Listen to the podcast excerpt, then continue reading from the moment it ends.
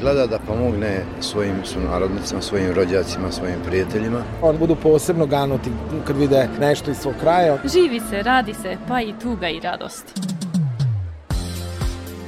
O iskustvima i postignućima naših državljana na privremenom radu u inostranstvu. Emisija Naši u svetu. Dijaspora poziva Maticu, Matica odgovara dijaspori. Granice ne postoje u mislima brižnih. Emisija Naši u svetu.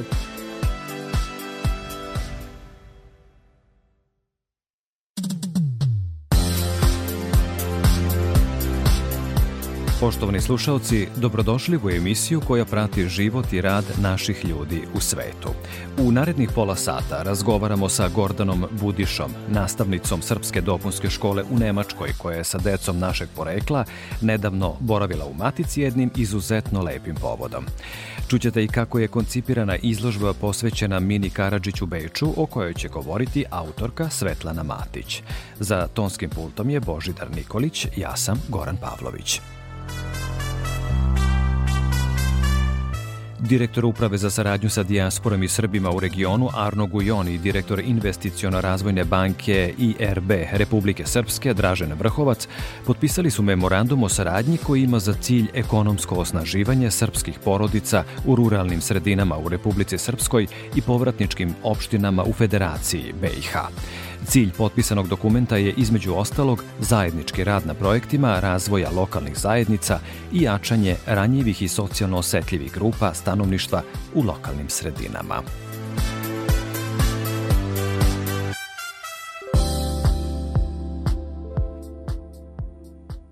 Vežu nas događaj, misli, kultura i tradicija. Emisija Naši u svetu – U oko 100 država sveta prema nezvaničnim podacima živi oko 4 miliona raseljenih srpskih građana sa više od 1137 klubova i udruženja na svih pet kontinenta. Pored njih, važnu ulogu u očuvanju identiteta imaju i srpske dopunske škole koje pod okriljem Ministarstva prosvete Republike Srbije organizuju obrazovno-vaspitni rad na srpskom za učenike našeg porekla u cilju razvijanja svesti o sobstvenom nacionalnom i kulturnom identitetu i upoznavanja sa najvrednijim delima domaće kulturne baštine, kao i posticanja održavanja veza sa matičnom zemljom. Kako se takva nastava odvija u Nemačkoj, pokrajini Bavarskoj, tačnije u Nirnbergu, razgovaram sa nastavnicom u tamošnjoj srpskoj dopunskoj školi Gordanom Budišom. Dobrodošli u emisiju Naši u svetu Radio Novog Sada bolje vas našla i raduje me da sam gost u vašoj emisiji. Povod za ovaj naš razgovor nije samo vaš doprinos učenju dece našeg porekla u Nemačkoj, o kojem će biti reči tokom emisije, nego i vaš nedavni boravak u Novom Sadu, gde ste sa decom i roditeljima iz Nemačke posetili dečije selo dr. Milorad Pavlović u Sremskoj kamenici i ovdašnjoj deci bez roditeljskog staranja uručili više od 100 paketića sa poklonima za Uskrs. U prikupljanju poklonja učestvovali su učenici i njihovi roditelji iz Erlangena i Nirnberga. Kako je nastala ta humanitarna akcija, Gordana? Ja moram priznati da ja za vreme mog rada, koliko radim u dopunskoj nastavi kao honorarni nastavnik srpskog jezika već 13 godina, sa mojim roditeljima sam već sedam puta organizovala humanitarne akcije. Upravo zbog toga što smatram da dijaspora može i upravo zbog toga što se Ministarstvo prosvete i naša država već godinama trude da održavaju te besplatne naše dopunske škole u inostranstvu. Mislim da je ono najmanje što ti naši učenici i roditelji mogu da urade da bar jednom godišnje napravimo neku humanitarnu akciju. Naša dijaspora je inače nesebična kada je reč o pomoći ugroženima u matičnoj zemlji i to je da kažemo, opšte poznata stvar. Mnogo je društava i pojedinaca kojima je humanitarni rad životna preokupacija ili misija. Zahvaljujem u ime svih onih kojima je ta pomoć značila ovde u Srbiji. Vama ova pomoć nije prva, više puta ste obilazili, rekli smo već, gradove širom Srbije. Do sada smo pravili akcije za vreme recimo poplava koje su bile 2014. godine osnovnoj školi Vera Radivojević u Beloj crkvi smo skupili humanitarnu pomoć u vrednosti od 600 eura i onda smo kupili nastavni materijal koji su oni u školi nama rekli da im je bio oštećen u vreme poplava. Jedna od humanitarnih akcija je bila u domu za osobe sa invaliditetom u Kruševcu. Tu donaciju smo imali pre nekih 5-6 godina.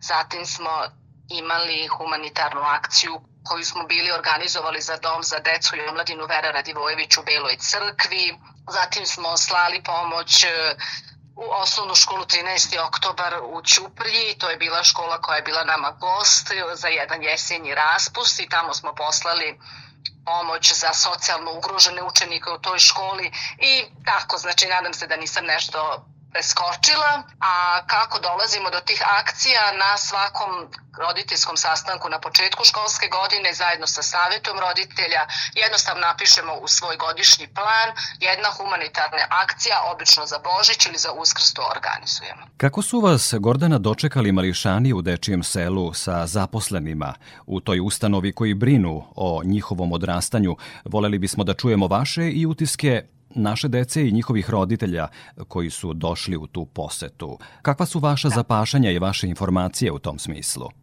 Pa moram priznati da smo mi vrlo srdačno dočekani. Ja sam sa gospođicom Livaja već uspostavila bila kontakt pre našeg dolaska.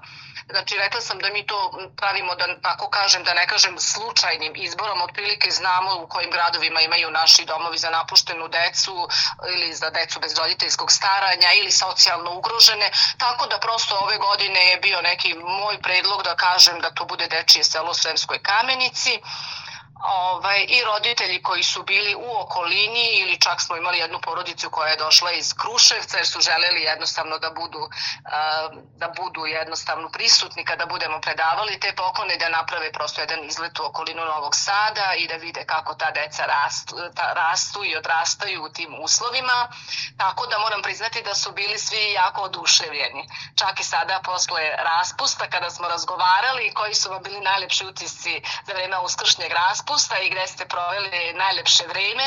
Učenici koji su bili u Dečijem seli su napisali da im je to bio najlepši dan koji su proveli na raspustu. Eto, gde ćemo bolje utiske od tih koje smo upravo čuli? Pa jeste, kao što sam rekla sada u ovom prethodnom pitanju, mi smo već organizovali sedam akcija, a moram priznati da je naša dijaspora stvarno vrlo aktivna, postoje tu mnoge i organizacije koje se bave humanitarnim radom, Srbi za Srbe recimo, na organizacija jedna koja postoji tu, da ne kažem da svaka skoro eparhija u zapadnoj Evropi uvek ima neke humanitarne organizacije i skoro svaki mesec se skupljaju ne sredstva ili za osobe koje su ugrožene zdravstveno ili osobe kojima skupi kupljamo nekako kolica osobama sa invaliditetom, tako da moram priznati stvarno da je dijaspora angažovana jako i da se ljudi vrlo rado odazivaju svim tim humanitarnim akcijama. Kako dolazite do informacija o tome ko su ugrožena lica u Srbiji? Kako se o tome informišete? I sa druge strane, jesmo li mi iz medija dovoljno angažovani na tome da promovišemo zajedništvo i suživot? Šta vi, Gordana, kao istaknuti humanitarac mislite o tome? Pa mislim da stvarno dovoljno, dovoljno informacija dolazi i putem medija.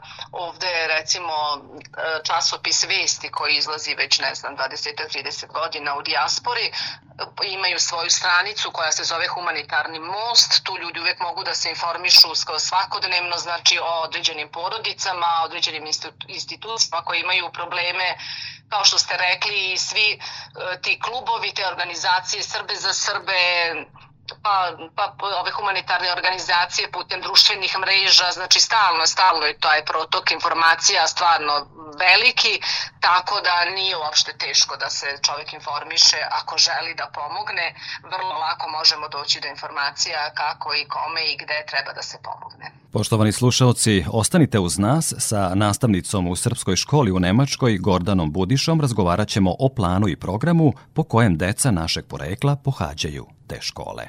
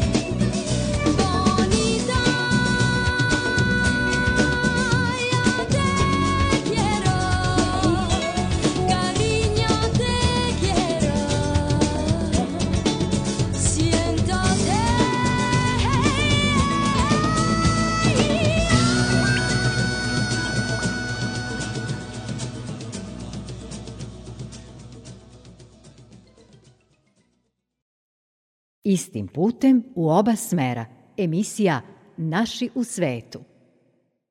Sa nama je Gordana Budiša, nastavnica u Srpskoj dopunskoj školi u nemačkom Nirnbergu. Razgovarali smo o vašoj humanitarnoj poseti dečijem selu u Sremskoj kamenici, čije ste štićenike darivali poklonima za uskrs. Kada je reč o nastavnom programu u srpskim školama, On se sprovodi pod okriljem Ministarstva obrazovanja Srbije. Šta sve ta nastava obuhvata Gordana? Dopunska nastava srpskog jezika obuhvata tri predmeta koja se obrađuju znači, ovim našim školama. Imamo predmet Moja otačbina, srpski jezik i kultura i običaj srpskog naroda. Da li je strogo propisano kako će se odvijati nastava ili vi kao prosvetni radnik prosto imate tu slobodu da sami kreirate deo programa? Nastava se u svakom slučaju odvija po određenom planu i programu koji je planiran za nastave u inostranstvu, odnosno za decu koja žive van otačbine. Čak postoje i tri učbenika koja su pre desetak godina izdata u elektronskoj formi, koja se mogu naći na stranici našeg ministarstva prosvete. To su otprilike znači, sadržaji koje mi treba da pratimo i obrađujemo za vreme naše nastave. Naravno da je tu uvek mnogo važan naš individualni pristup, odnosno moramo da obraćamo pažnju na decu koja su sa vrlo različitim nivom znanja jezika. Tako da je to uvek jedan pristup gde morate mnogo toga da, bez obzira na taj plan i program koji je nama naravno propisan i kog se mi držimo, uvek imate jedan, jednu, da kažemo, četvrtinu, petinu dece u zavisnosti od grupa koji su, da ne kažem, kojima je njihov materni jezik, u stvari strani jezik koji oni uče, ali hvala Bogu da uvek ima i dovoljan broj dece koja jako dobro pričaju svoj materni jezik. Govorimo o tome da se nastava u srpskim školama u inostranstvu ministarstvu odvija pod pokroviteljstvom Ministarstva obrazovanja Srbije, a da li imate podršku nemačkih institucija u toj nastavi i u kom smislu se ta saradnja odvija? Pa, saradnja se odvija u, u tom smislu da nama Nemačka država u pokrajini Bavarskoj, u Baden-Württemberg, uglavnom ustupa besplatno učionice u njihovim školama u nekim gradovima to baš i nije slučaj, ali u svakom slučaju vrlo povoljno dobijamo te učionice ili taj prostor u kome mi održavamo našu nastavu. Uglavnom je to, kažem vam, u osnovnim školama njihovim e, ti prostori su tu i većinom je još e, nastava organizovana u našim klubovima koje postoje u mnogim gradovima u Nemačkoj i vikendom je skoro u svakoj eparhiji, moram reći, u svakoj znači, opštini u kojoj postoji naša crkva, naše prostorije naših crkava su takođe nam date na na korištenje. Tako da obično u subotom u skoro u svakom gradu gde postoje crkve i crkvene prostorije održava se takođe dopunska nastava. Prema rečima direktora Uprave za saradnju sa dijasporom i Srbima u regionu Arno Gujona, sve veće interesovanje roditelja naše dece u rasejanju da im deca pohađaju naše škole na srpskom. Kakvo je interesovanje u Nemačkoj i koliko učenika imate trenutno? Interesovanje u Nemačkoj je takođe vrlo veliko Trenutno ima u Nemačkoj skoro 2000 učenika koji pohađaju nastavu, dopunsku nastavu. Nastava se organizuje u skoro svim većim gradovima Nemačke, od Hamburga do Minhena, da tako kažemo. Znači Hamburg, Bremen, Frankfurt, Stuttgart, Minhen, Nürnberg, Erlangen i mnogi manji gradovi koji su u okolini ovih velikih gradova, tako da je Nemačka zadnjih godina jako pokrivena. Baden, pokrajina Baden-Württemberg i ostale pokrajine već skoro 20 godina su u sistemu dopunskih nastava koje organizuje naše ministarstvo prosvete. Ovde u Bavarskoj poslednjih šest godina ta nastava počela jako da se širi, pošto je pre toga bila tako organizaciji Nemačke države, ali od kada je ta nastava prešla u ruke našeg ministarstva prosvete, taj broj se, da ne kažem, u četvorostručio, petorostručio, mogu tako reći. Da, sudeći po vašem osmehu, neminovno je zaključiti da ste zaista zadovoljni i odzivom dakle, naše dece u inostranstvu i samim nastavnim programom i zaista volimo kada čujemo zadovoljstvo kroz osmeh u toku ovih intervjua sa našim ljudima širom sveta. Gordana, kakva vam je saradnja sa predstavnicima naših institucija? Znamo da imate podršku diplomatsko-konzularnih predstavništava, a da li vas posećuju zvaničnici iz Matice i kako biste ocenili njihovu zainteresovanost za rad naših škola, sada u Nemačkoj? Kao što sam rekla, poslednjih 5-6 godina nastava je stvarno u svim zemljama se proširila i moram priznati da je ta saradnja stvarno vrlo dobra, čak sve više odlična. Do pre ovog vremena, da ne kažem ovih ograničenja i korone, e, redovno su dolazili znači, u posetu i da ne kažem tako u neke kontrole e, ljudi iz Ministarstva prosvete uvek su tu kada se znači radi o podršci, otvaranju novih odeljenja bez, bez naših konsularnih predstavništava preko kojih sve to ide. Znači saradnja je jako dobra jer mi moramo za svako otvaranje svake grupe imati najmanje 20 učenika u nekoj grupi da se prikupe te upisnice, pošalje konsularnom predstavništvu, konsularno predstavništvo to šalje naše ministarstvo prosvete, tako da moram priznati da je stvarno saradnja odlična i ono što je još jedna posebna pohvala, poslednje dve godine mi mi imamo od prošle, da kažem, godine i ove godine već počela ta akcija, imamo znači kampove koje, koji su takođe u organizaciji Ministarstva prosvete za decu u dijaspori u obrazovnom centru Vuk Karadžić u Tršiću. Organizuje se od prošle godine, znači besplatan kamp za decu iz dijaspore, sedam dana deca imaju takođe jedno druženje koje, koje, organizuje, koje se organizuje u našoj zemlji za njih. Srpski se jezik verovatno najbolje uči kada se druže sa svojim vršnjacima, deca našeg porekla iz inostranstva kada dođu ovde u Maticu, a čuli smo iz Uprave za saradnju sa dijasporom i Srbima u regionu da će se još više raditi na tome da se naša deca susreću ovde u Matici kroz razne kampove kojih će naročito biti ovog leta, tako je barem tvrdio direktor uprave za saradnju sa dijasporom i Srbima u regionu Arno Gujon. Dakle, u Matici je prepoznata e, ta potreba da se naša deca druže i taj model koji doprinosi najvećim rezultatima kada je reč o učenju srpskog jezika između naše dece i dece našeg porekla u rasejanju. Gordana, Da li vam nešto nedostaje u radu sa našom decom, konkretno u Nirnbergu u Nemačkoj? Da javno apelujemo. Pa, principu moram reći da sam za sada, da smo stvari mi svi ovde u Nemačkoj vrlo zadovoljni i zahvalni za sve, ova, sve ove vidove saradnje koje imamo sa Maticom. E, još sam zaboravila da kažem da mi takođe učestvujemo kao, kao, nas, kao učenici iz dijaspore u krosu RTS-a.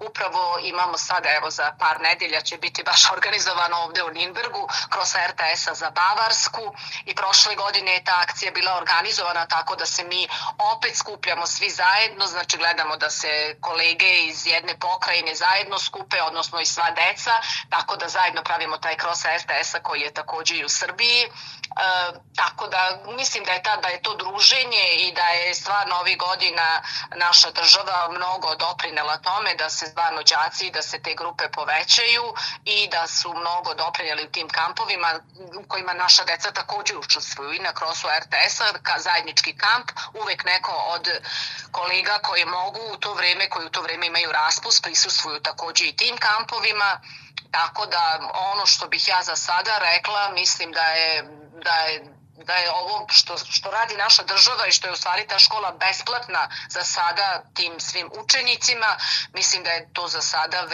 vrlo jedan veliki korak ka saradnji te naše dece iz dijaspore i naše matice. Pominjete kolege iz RTS-a i njihovu organizaciju Krosa po državama i po dijaspori, mi kao medijski javni servisi, dakle i RTS na republičkom nivou i na pokrajinskom i iz radiotelevizije Vojvodine, svakako sa zadovoljstvom promovišemo suživot i zajedništvo naših ljudi gde god da se oni nalaze.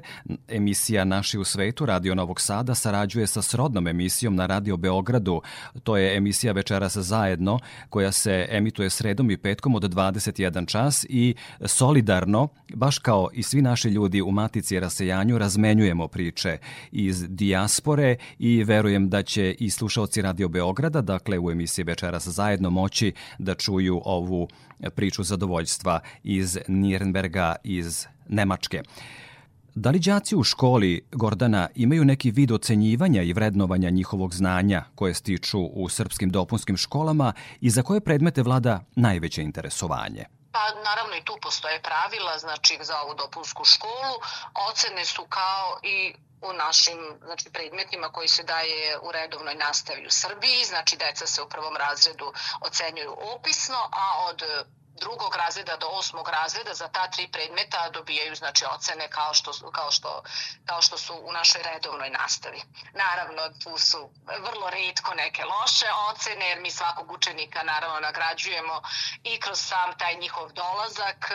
Naravno to nije redovna nastava, ali učenici bi trebali u toku školske godine da prisustvuju najmanje 80% procenata časova da bi dobili na kraju e, školske godine školske knjižice koje takođe imamo mi za, posebno znači za dijasporu sa ta tri predmeta koja sam vam navela i nakon osmog razreda takođe se dobijaju svedočanstva na kojima učenici dobiju na kraju znači potvrdu da su svih osam razreda ili od, od kada su počeli završili svoje osmogodišnje školovanje po posebnom planu i programu za inostranstvo. Nemačka je poznata kao zemlja u kojoj se svi planovi za budućnost donose na vreme. S tim u vezi, koji su vaši planovi za neku blisku budućnost? Imate li nameru da opet posetite Maticu i podsjetite nas da su naši ljudi u svetu deo naše zajednice, bez obzira na udaljenost? Pa mi smo da kažem, zemlja koja je vrlo blizu matici, tako da naši učenici sa svojim roditeljima u svakom slučaju vrlo često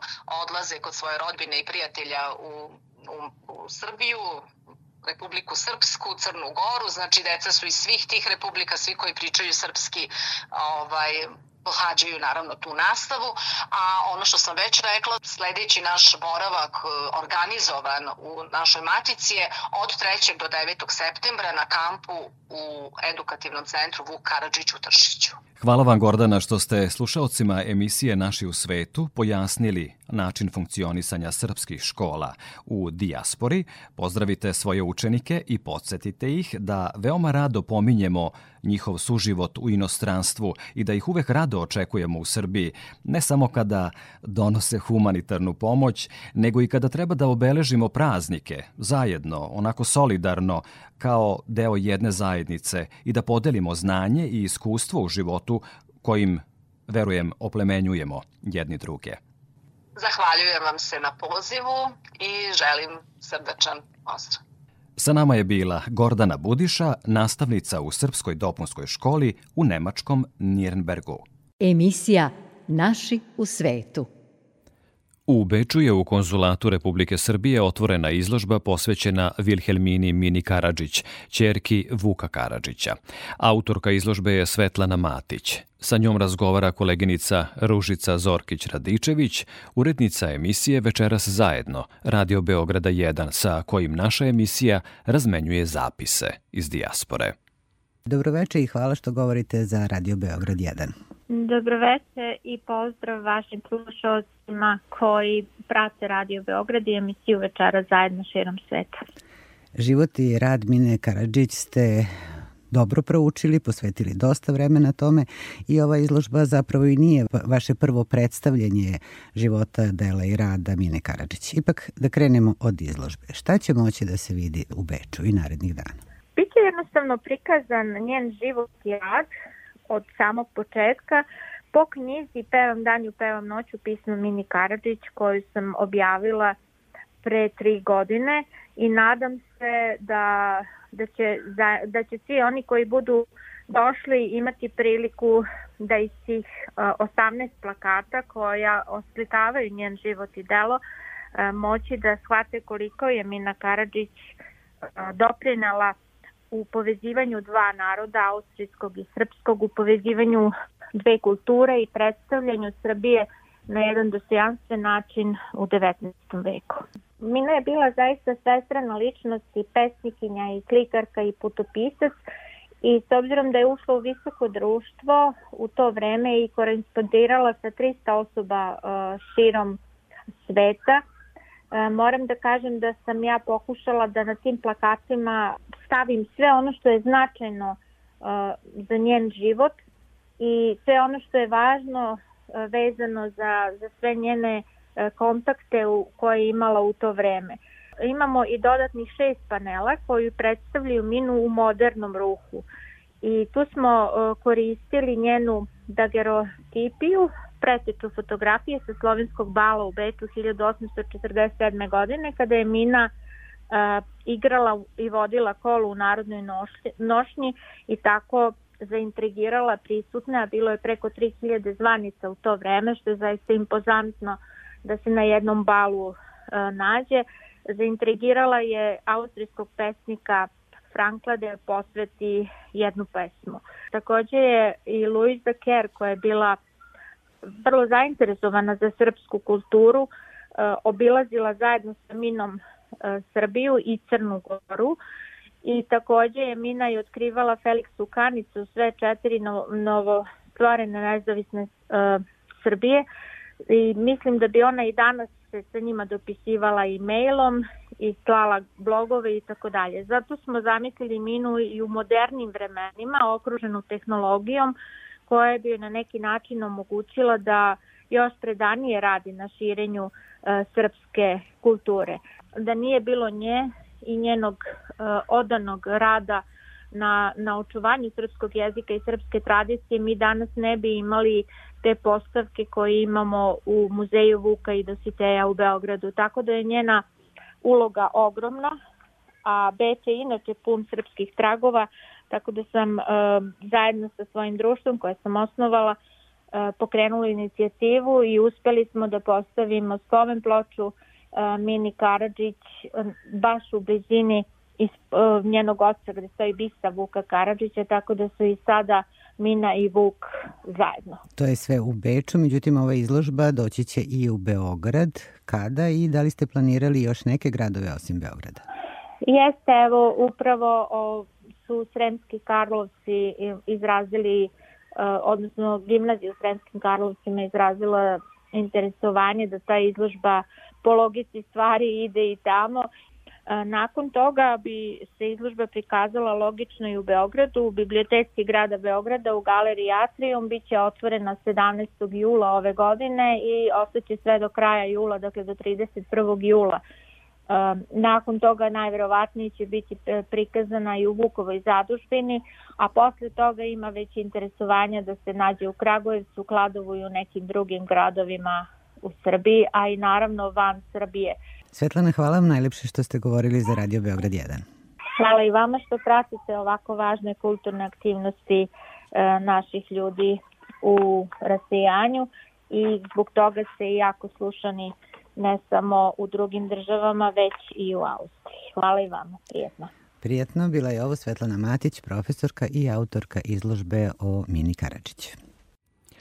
Sa vama su, poštovani slušalci, u emisiji Naši u svetu Radio Novog Sada u proteklih 30 minuta bili za tonskim pultom Božidar Nikolić, a pred mikrofonom Goran Pavlović. Pratite Facebook stranicu emisije Naši u svetu RTV. Čujemo se i sledećeg petka. Hvala vam na pažnji i prijatno veče.